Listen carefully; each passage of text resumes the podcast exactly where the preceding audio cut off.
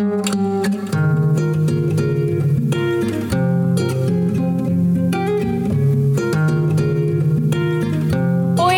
ik ben Paula en wat leuk dat je luistert naar mijn podcast.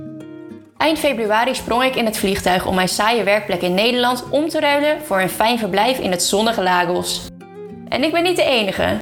Steeds meer mensen kiezen ervoor om in het buitenland hun werkzaamheden voor te zetten. In deze podcast praat ik jullie bij over alle voordelen en natuurlijk ook nadelen die komen kijken bij zo'n internationaal avontuur. Dit doe ik niet alleen, maar samen met andere ondernemers die ik hier ontmoet. Waarom zijn ze naar het buitenland gegaan en wat voor werk doen ze eigenlijk? Is het moeilijk om naar het buitenland te gaan en ga je dan alleen of neem je iemand mee? Je hoort het allemaal in deze podcast.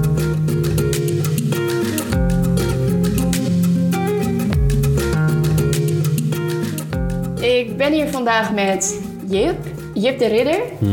Fijn dat je er bent. Ja, superleuk om je te ontmoeten. Kan je eens wat, wat over jezelf vertellen? Hoe oud ben je en wat doe je hier? Ja, mijn basics. eh, ik ben eh Jip de Ridder. Ik eh, kom uit Utrecht. Ik ben net 35 geworden.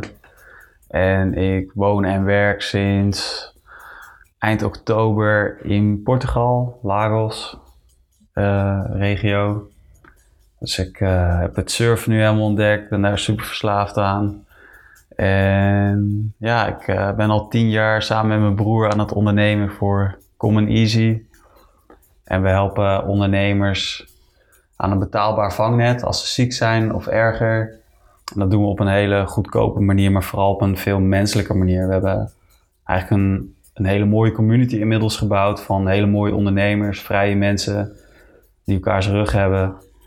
En eh, dat zijn we nu aan het uitbouwen en aan het verkennen wat we daar nog meer mee kunnen.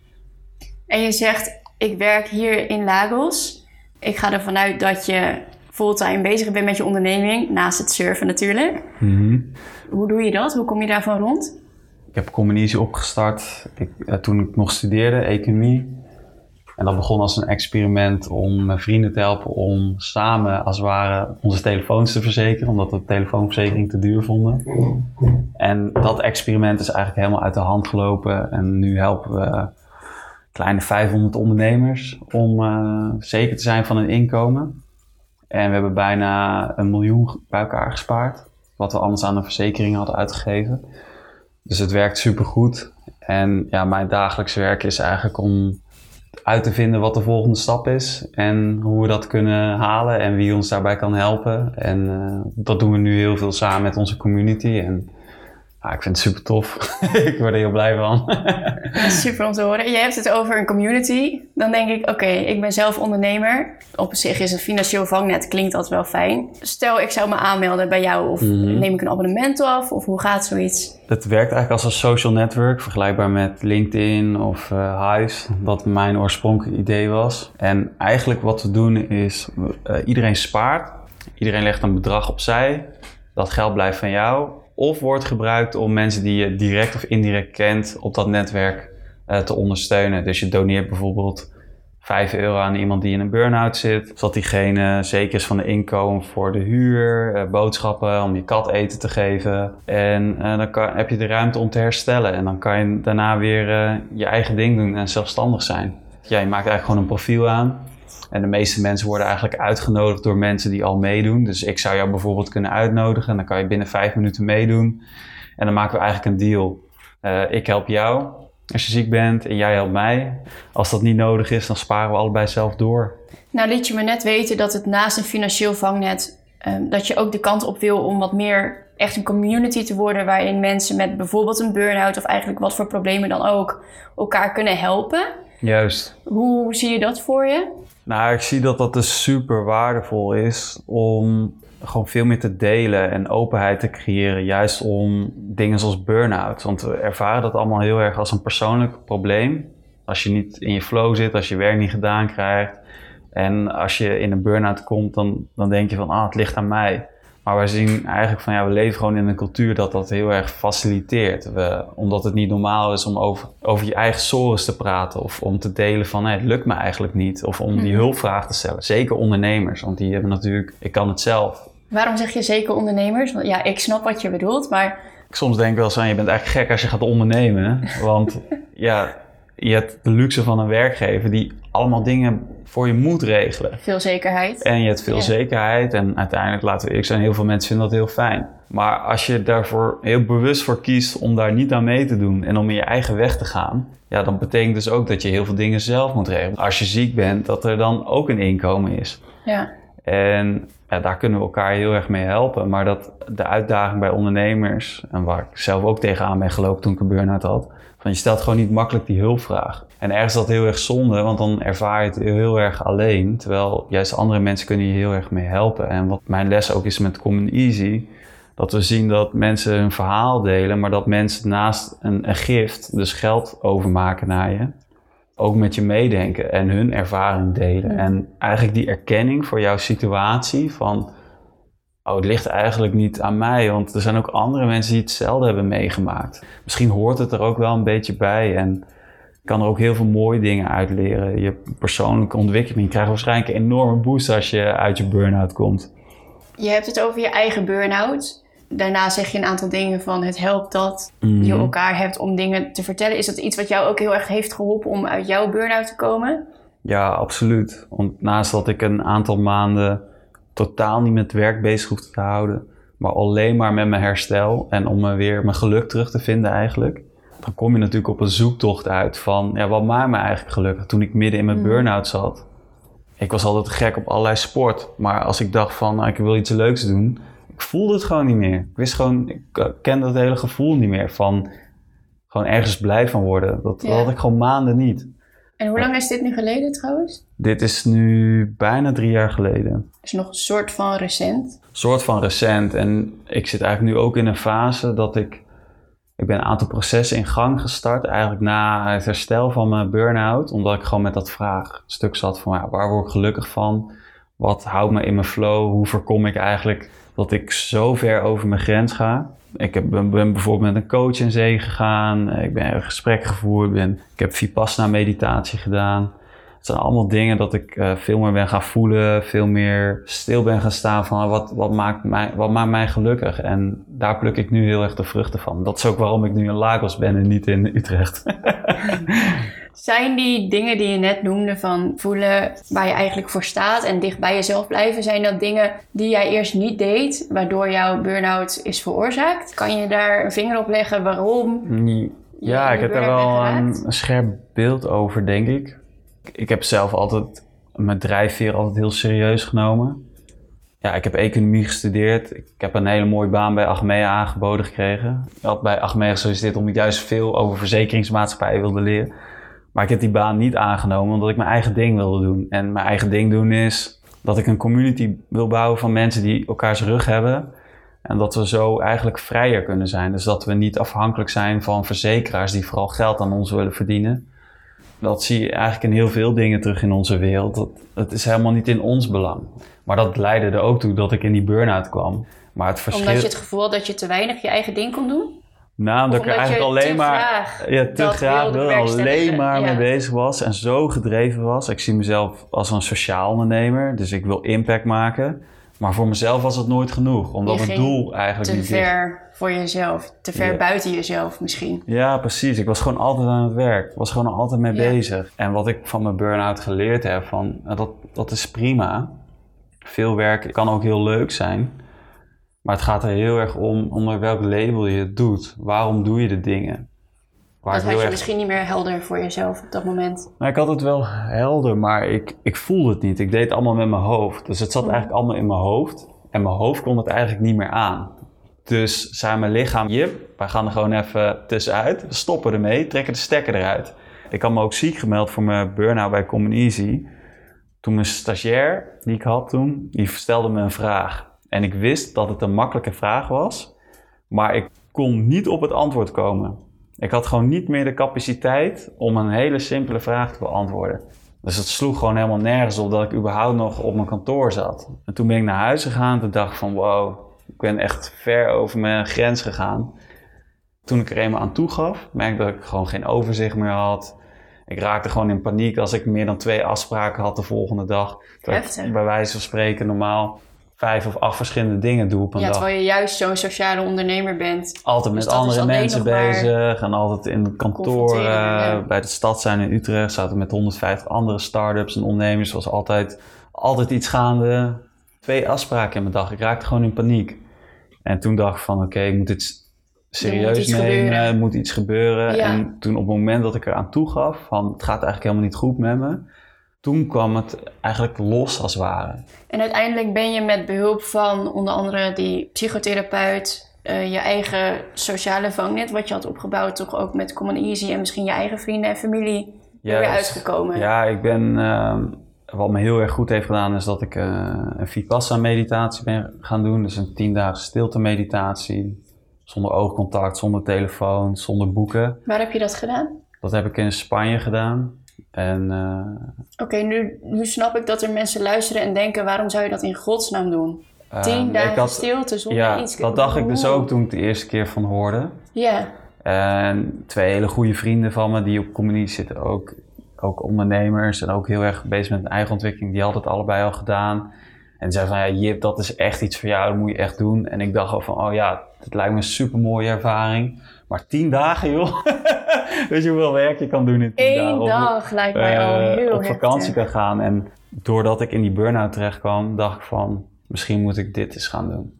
Ik vind het zo in- sowieso interessant dat je zegt: weet je hoeveel werk je in tien dagen kan doen? Ja. Op het moment dat je eigenlijk al helemaal uitgebeurd Dat is wat was. ik dacht. En eh, twee afspraken Ja, te dat veel dacht voor ik je eh, daarvoor. Dus ik, ik kende het concept van Vipassana, kende ik bij wijze van spreken al twee, drie jaar. Ja, Omdat mijn vrienden, die heel dicht bij me staan, die hadden het gedaan. En die waren er super enthousiast over. Maar ik ging niet die drempel over, omdat ik gewoon geen motivatie had om tien dagen vrije tijd of werk op te geven om in een klooster te gaan zitten, in jezelf gekeerd. Maar omdat ik in een burn-out zat en ik kon niet eens, bij wijze van spreken, het leukste wat ik vond was sporten. Dat kon ik niet eens meer bedenken dat ik dat leuk vond. Ik had de e- energie er niet voor, ik kon ook niet werken. Dus het was voor mij eigenlijk het perfecte moment om dat te gaan doen. maar waarom zou je dat doen? Tien dagen in stilte zitten. Wat heeft het jou gebracht? Wat het mij gebracht heeft, is dat het. Mijn grootste les die ik eruit heb gehaald is: ik ben niet mijn hoofd. en mijn ideeën en hoe slim ik ben en waar ik allemaal mee bezig ben, dat is echt maar een klein stipje van wie ik ben. Maar het grootste deel van wat ik ben is eigenlijk een, een, een wezen dat ervaart, dat is, dat, dat het capaciteit heeft om bewust te zijn Dat gevoel had je ineens dat, dat, tijdens gevoel, die dagen. dat gevoel is, ja, dus wij zijn zo gewend dat we in een wereld leven die zo snel gaat. Bij wijze van spreken heb je 5000 berichten van advertenties die op je afkomen. Dat vinden we normaal. Mm. Maar dat is eigenlijk allemaal continue afleiding om van jezelf af te gaan. Dus eigenlijk met dingen buiten jezelf bezig te houden. Met de afspraken van morgen, met je doelen van volgende maand. Met genoeg geld verdienen, met de problemen van je klanten. Maar wat je eigenlijk in die tien dagen doet, je weerhoudt je van alle verleidingen van de buitenwereld. Dus je telefoon natuurlijk, het oogcontact met anderen, hoe vaak je eet. Dus je mediteert 10 uur per dag. En daardoor kom je eigenlijk helemaal tot jezelf. En je doet eigenlijk continu een soort bodyscan. Dus je gaat eigenlijk continu van ah, wat gebeurt er in mijn gezicht, in mijn neus, naar je nek, naar je schouders, naar je arm, naar je andere arm, naar je borst, buik, benen, tenen, naar je andere been, naar je rug. En dan ga je terug. En je doet eigenlijk 10 uur per dag, doe je, maak je dat rondje. En wat je dus krijgt, is dat je steeds dieper en dieper in jezelf keert. En dat je dus eigenlijk voelt wat je lichaam eigenlijk allemaal ervaart op een dag. Mhm. Dus pijn, koud, warm, trillingen, zweet. En dat je dat daar helemaal gefocust bij stilstaat. Wat dat eigenlijk allemaal met je doet. En op een gegeven moment eh, merk je dus dat eigenlijk in mijn geval, dat zal voor iedereen anders zijn, dat ik ook allemaal herinneringen had, eigenlijk opgeslagen had in mijn lichaam. Maar je kan dus in die meditatieve toestand, kan je eigenlijk naar je herinneringen van vroeger, kan je met het bewustzijn van nu kijken van, oh, het zijn allemaal dingen die komen en gaan. En daar, hier word je natuurlijk ook in gefaciliteerd om het op zo'n manier te bekijken van, je mag het loslaten. Je hoeft er niet aan vast te houden. Je mag het gewoon bekijken, maar je hoeft er niks mee. Zonder oordeel. Zijn dat dan dingen waar je normaal gesproken niet bewust van bent, omdat al die prikkels je daarvan afleiden? Absoluut. Die wordt gewoon continu in een race meegenomen. Ik, ik kan me zo voorstellen, de meeste mensen tegenwoordig die staan op en die worden gewekt door een telefoon. En ze zitten meteen in een telefoon, meteen in een feed van notificaties. Dus dat betekent dat je al meteen verleid wordt om in contact te gaan met de buitenwereld. Maar niet met jezelf. Als ik in mijn telefoon, als ik eh, moe ben, merk ik vooral, dan ga ik op Instagram kijken of eh, Twitter of LinkedIn. En dan ga ik gewoon eindeloos die feed uitscrollen. Dan ben ik verveeld. Dan ga ik naar een andere app. Ga ik die, die feed ook uit. Maar dat doe ik vooral als ik moe ben. En dan betrap ik mezelf daarop, omdat ik daar veel bewuster van geworden ben. Ook door, door mijn burn-out word je veel sensitiever, maar ook door die meditatietechnieken. Maar dan merk je gewoon heel erg van, ja, waar ben ik nou eigenlijk op zoek naar? Wat, en je bent eigenlijk nou op zoek iets Bevestiging. buitenging, bevestiging of afleiding. En dat is eigenlijk vooral omdat je niet wil voelen wat er in je eigen systeem allemaal gebeurt. Wat er gaande is, ja. En als je met mediteren leert van, om dat gewoon aan te kijken en kijken wat gebeurt er en dat serieus nemen en daar je leven naar gaat leiden, dan kom je op hele andere punten uit. Bijvoorbeeld Betere in Lagos. punten. Ja. Daar komen we zo nog even op terug. Ja. Ik wil heel even nog naar het moment met je dat je die Vipassana hebt gedaan. Mhm. Dat je nu eigenlijk heel makkelijk zegt van je komt dichter bij jezelf. Je voelt dingen die je normaal gesproken niet zou voelen door al die afleiding. Hoe heftig was het voor jou om dat te beseffen? Om die tien dagen te doen? Want als je begint, dan denk je oké. Ik, ik moest wel een eh, traantje laten, ja. Ik had eh, een begrafenis van mijn oma. Ik had mijn oma begraven, ik had een speech gehouden. Ik had met mijn familie gegeten. Daarna stapte ik op het vliegtuig naar Spanje. Een- Een dag later zat ik in stilte op een, op een mat, tien uur.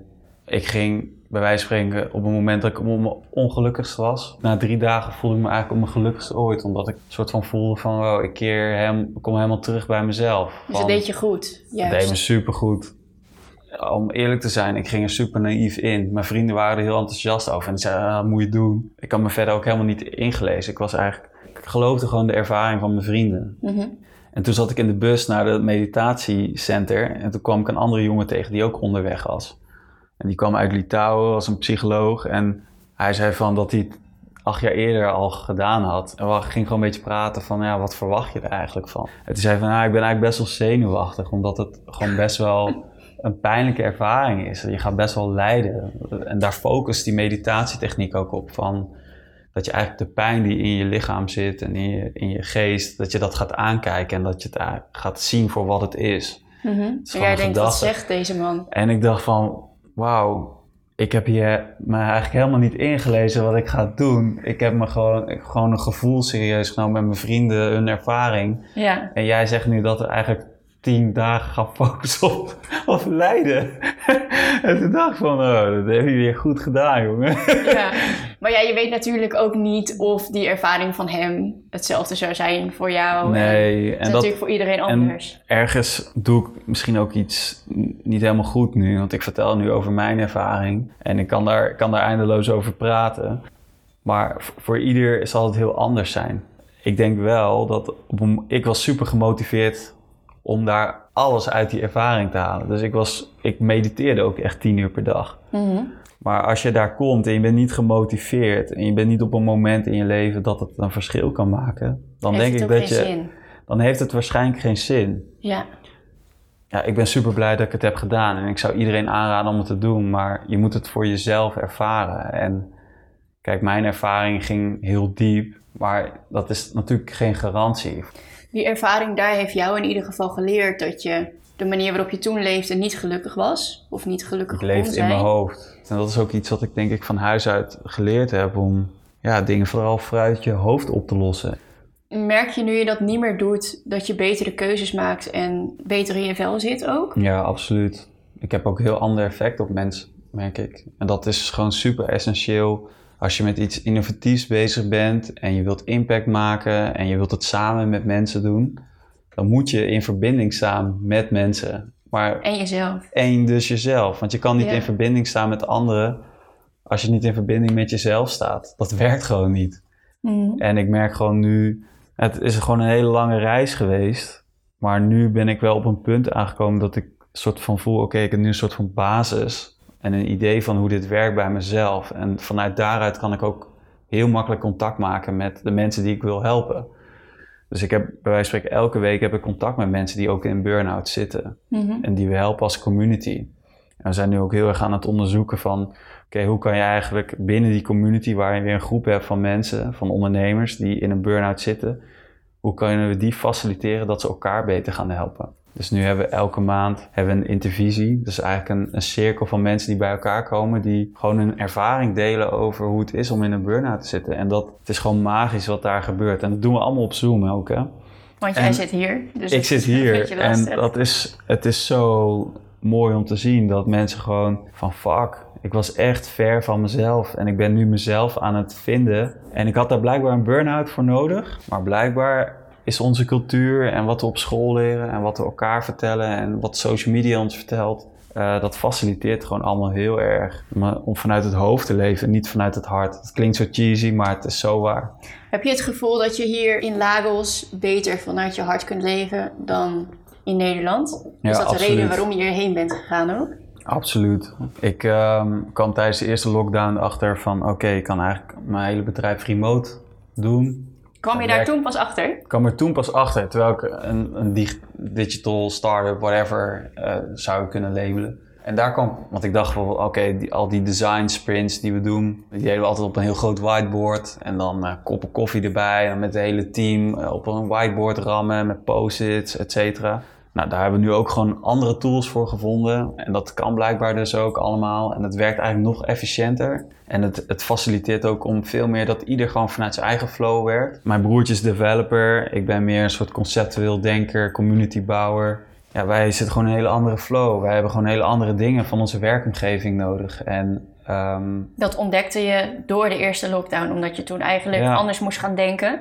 ja, Toen ontdekte je, oké, Common Easy kan volledig online, of in ieder geval de werkzaamheden die jij doet. Mhm, Ja, precies. Dat was zo'n enorme bevrijding, want we hadden ons kantoor daarna, na twee maanden, oké, we zeggen dat kantoor op. Oké, eh, was dat eh, financieel oogpunt of omdat je dacht... Ja, beide, want we Ik zijn nog steeds eh, aan het, aan het bouwen en we moeten nog steeds vechten voor ons bestaansrecht eigenlijk. Mhm. Dus die kosten van de besparing van kantoor, daar, daar huren we nu iemand voor in. En dat heeft ons ook superveel gegeven, want het was eigenlijk meer een community dan een kantoortuin. Maar ik merk gewoon nu, door dat remote werken, kan ik gewoon kiezen waar ik woon. En ik kies nu een plek waar ik woon, eh, waar ik een natuurlijk voordeel heb. Wat mijn vader ook tegen me altijd zei. Van je moet op een plek gaan wonen, dicht bij een bos, of bij het strand, of bij een rivier waar je kan zeilen. Maakt de Ik natuur jou bij- blij? Maar nu, natuur maakt mij super blij. Ik word niet blij van de stad. Ik, Mhm. ik vind het leuk om in Amsterdam te zijn en daar met mensen te connecten en, en de vibe te voelen. Maar ik hoef er niet tussenin te zitten. Ik merk gewoon dat rust en natuur voedt me zo erg en maakt me ook veel creatiever.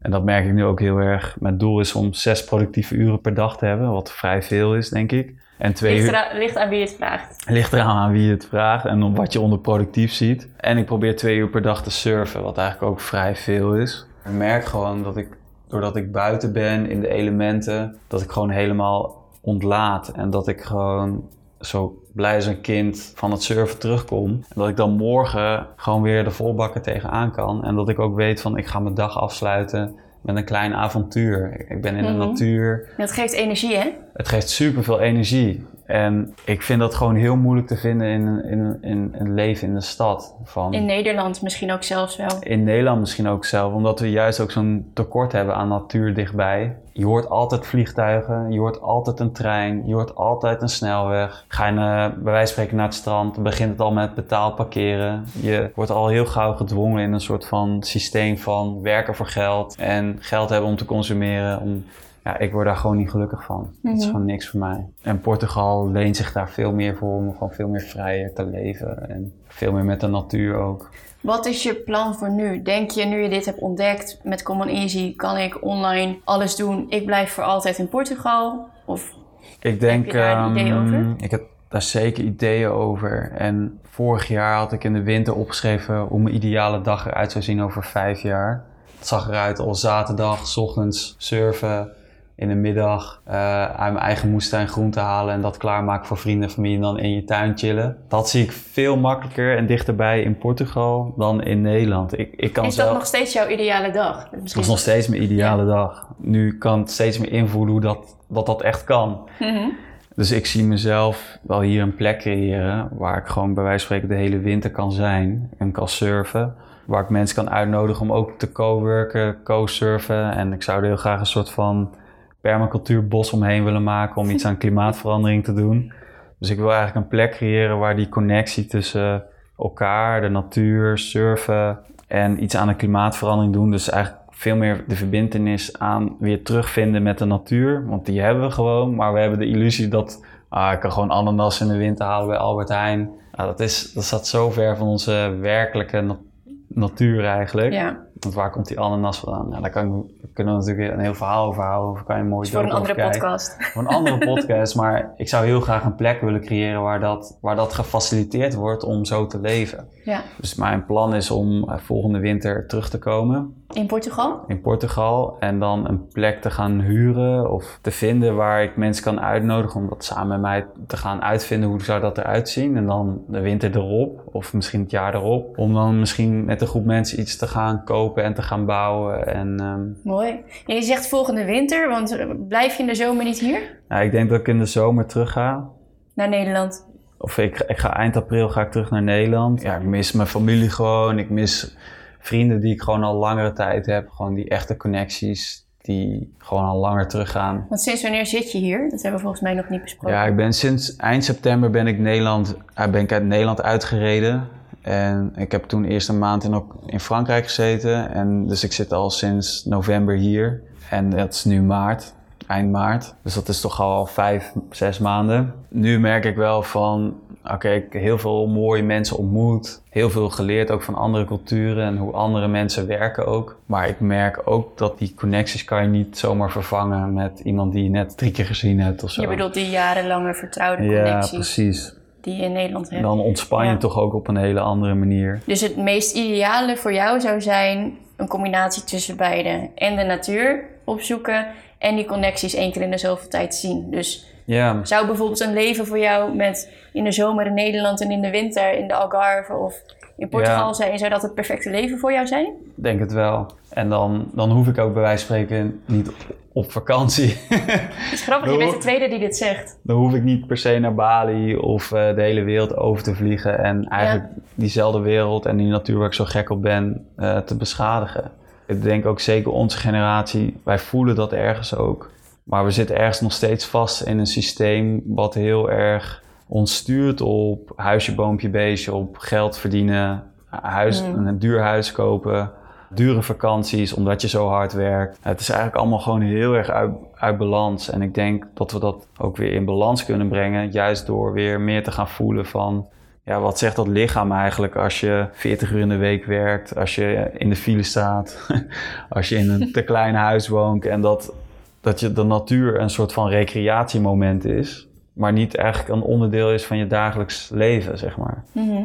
Het zou het leven makkelijker maken. Dat denk ik ook. Ja, ik denk als je op een plek zou wonen dat je, je gaat de deur uit en je staat op het strand of je staat op een, op een bergrots of je hebt een boerderij of op het platteland. Dat nodigt ook veel meer uit om het onderdeel van je leven te maken. In plaats van die natuur op te zoeken op je vakantie of in het weekend die wandeling in een bos te maken. Maar dat je dan eigenlijk ook aan het, in de file staat in het bos. Mhm. Of dat er geen parkeerplaats voor het bos is, dat wat in Nederland gewoon normaal is. Maar als ik er nu terug Ja. aan denk wat ik afgelopen half jaar aan het doen dan vind ik het echt, dat is echt heel maf. Het is heel onmogelijk ook om te doen wat En wij ik hier doen. Ja, en ik hou heel erg van Nederland. Ik vind onze cultuur super vet en ik hou van de mensen en ik hou van onze werkethiek en hoeveel mensen echt super gedreven zijn om impact Ja. te maken met mooie bedrijven. Het heeft ook iets heel moois natuurlijk. Het heeft iets super moois, maar eh, Nederland is wel gewoon echt overvol. En bij wijze van spreken, ik woon nu in Burgau, is een dorp verderop. Daar kan je gewoon letterlijk met de auto het strand oprijden. En er is geen betaalautomaat. Mhm. En in Nederland voor elk strand heb je volgens mij gewoon een betaalautomaat. Maar En dat- misschien ook omdat goede stranden in Nederland schaars zijn. het strand is heel groot, maar er wonen gewoon heel veel mensen in Nederland die allemaal op zaterdag naar het strand willen. Dat, dat, Je dat- kan het eigenlijk ook niet vergelijken met elkaar. Je kan het eigenlijk niet Nee. vergelijken. En ja, natuurlijk, de cultuur hier is ook heel anders. Ik zie het zelf ook als wel een hack van...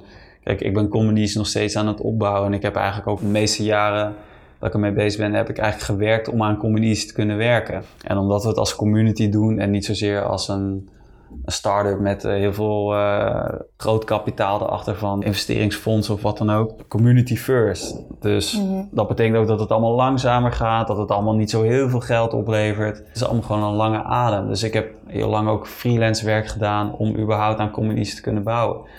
Maar nu ik kan je er nu volledig van rondkomen? Nu kan ik er volledig van rondkomen. Maar in Nederland zou ik geen huis kunnen kopen. Dus dat is natuurlijk ook een verschil. Financieel gezien kan je ook ervoor kiezen om in het buitenland te gaan wonen, omdat je dan meer tijd en geld in je bedrijf kunt investeren, omdat de, last, uh, de lasten lager zijn. De levenskwaliteit die je hier eigenlijk hebt, tegen veel lagere kosten, mm dat maakt het ook heel interessant om vanuit hier remote te werken. Want bij wijze van spreken heb je een maandelijks inkomen van 1000 euro uit je bedrijf, wat je gewoon elke maand binnenkrijgt.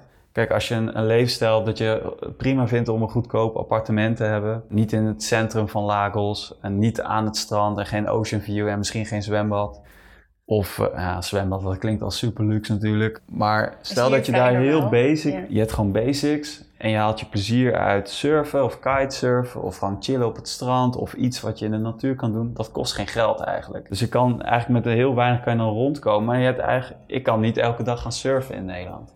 Uh, en ook niet elke dag gaan kitesurfen. En ik kan ook niet elke dag in de natuur gaan wandelen, want dan moet ik eerst bij wijze van spreken een half uur of een uur in de auto zitten. Ja, wij zeiden net al tegen elkaar dat het plezier wat je in Nederland moet kopen voor een hele hoge prijs, dat dat hier gratis is. Ja. En dat je daardoor hier makkelijker gelukkig bent met minder geld. dan je in Nederland zou zijn. Ja, en wat, wat je hier dus ook in deze streek in het bijzonder ook heel veel ziet, is dat je heel veel communities hebt, uh, in, wat meer in de achterlanden. Dus daar heb je gewoon mensen die wonen gewoon met groepen van 10, 20, misschien zelfs meer. Wonen gewoon op een boerderij en die verbouwen wat en die doen wat remote werk. En Jouw toekomstdroom eigenlijk. Eigenlijk een soort van, ja, daar droom ik eigenlijk van. En ik zie hoe mensen dat doen.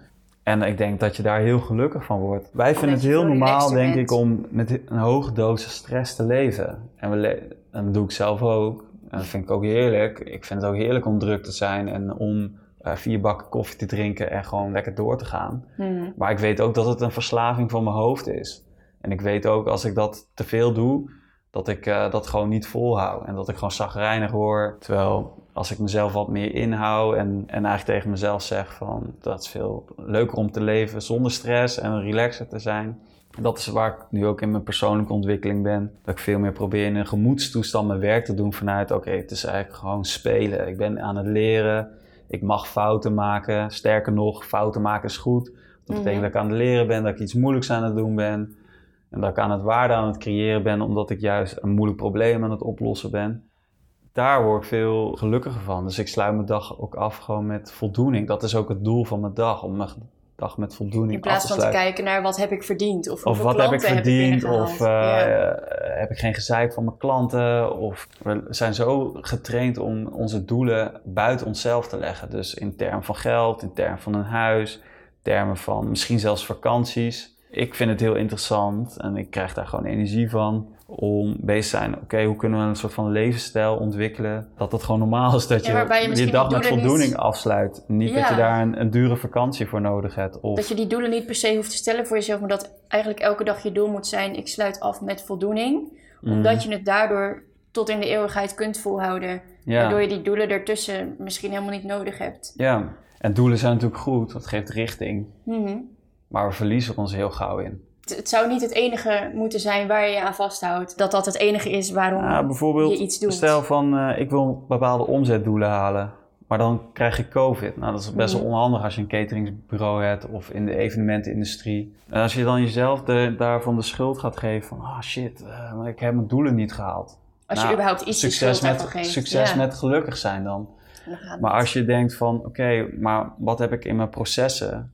Hoe werk ik? Denk ik over dingen na, zet ik eerst een koers uit, werk met de handige tools, werk ik slim samen, communiceer ik goed. Maak je mensen gelukkig. Maak je mensen gelukkig om je heen. Als je daar naar je eigen processen kijkt van ben ik daar, kom ik daarin vooruit, ben ik daar aan het leren hmm. en sluit ik mijn dag met voldoening af. Daar word je gelukkiger van dat, en dat kan je ook volhouden. Maar dat gaat veel meer over dingen ook aanvoelen. En dat is gewoon iets wat je niet via studie economie heb ik dat niet geleerd. Nee. En ik weet bijna zeker 90% van de mensen die iets gestudeerd hebben of 20 jaar op school hebben gezeten, dat we dat niet hebben geleerd. Hmm. En daar lopen we nu massaal op vast. Dat zie je ook. Heel veel millennials lopen gewoon vast. Die hebben gewoon al een burn-out. Nou, niet iedereen, maar veel. Ik weet van uh, leden die in Spanje journalist waren en die lid waren bij Common Easy. Die zeiden van ja, dat hele burn-out concept, dat kennen ze in Spanje niet. Dat is echt iets wat we in Nederland doen. Omdat als je vraagt hoe, hoe gaat het met je, dan zegt iemand ja, druk. Dat zegt iedereen. Altijd, en dat is super normaal. Maar eigenlijk is, kan je ook zeggen van ja, is dat niet is heel niet ongezond. En ik denk dat we ik denk dat we eigenlijk dat soort problemen ook alleen kunnen door, doorbreken door het ook met elkaar over te hebben. En mm eigenlijk, wat willen we met elkaar? Wat vinden we met elkaar normaal?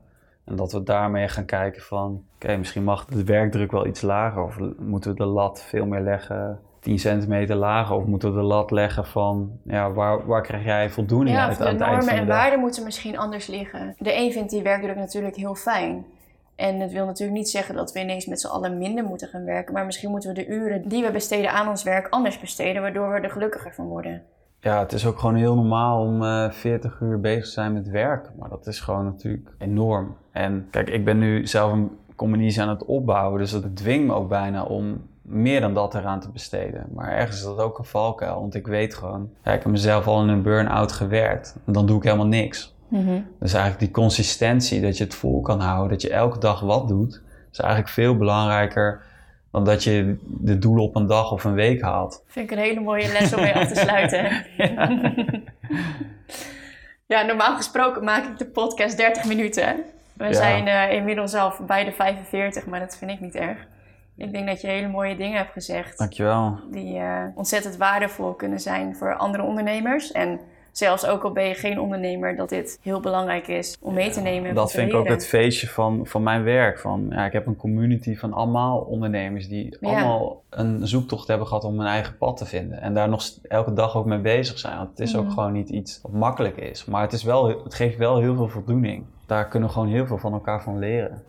Ja, mooi dat je je ervaring daarover wilde delen. Ja, graag gedaan. Dankjewel. Graag gedaan. Dat je met mij hier wilde zijn en dat je alles wilde vertellen. Heel wederzijds. overkomen. En ik wens je heel veel succes met je bedrijf. Thanks. Thanks. Veel plezier nog in Lagos. Dankjewel. Komt er goed. Wat leuk dat je luisterde naar mijn podcast. Tips voor de volgende aflevering zijn meer dan welkom. En als je vragen hebt waarvan je wil dat ik ze de volgende keer behandel, stuur me dan even een berichtje. Tot de volgende keer!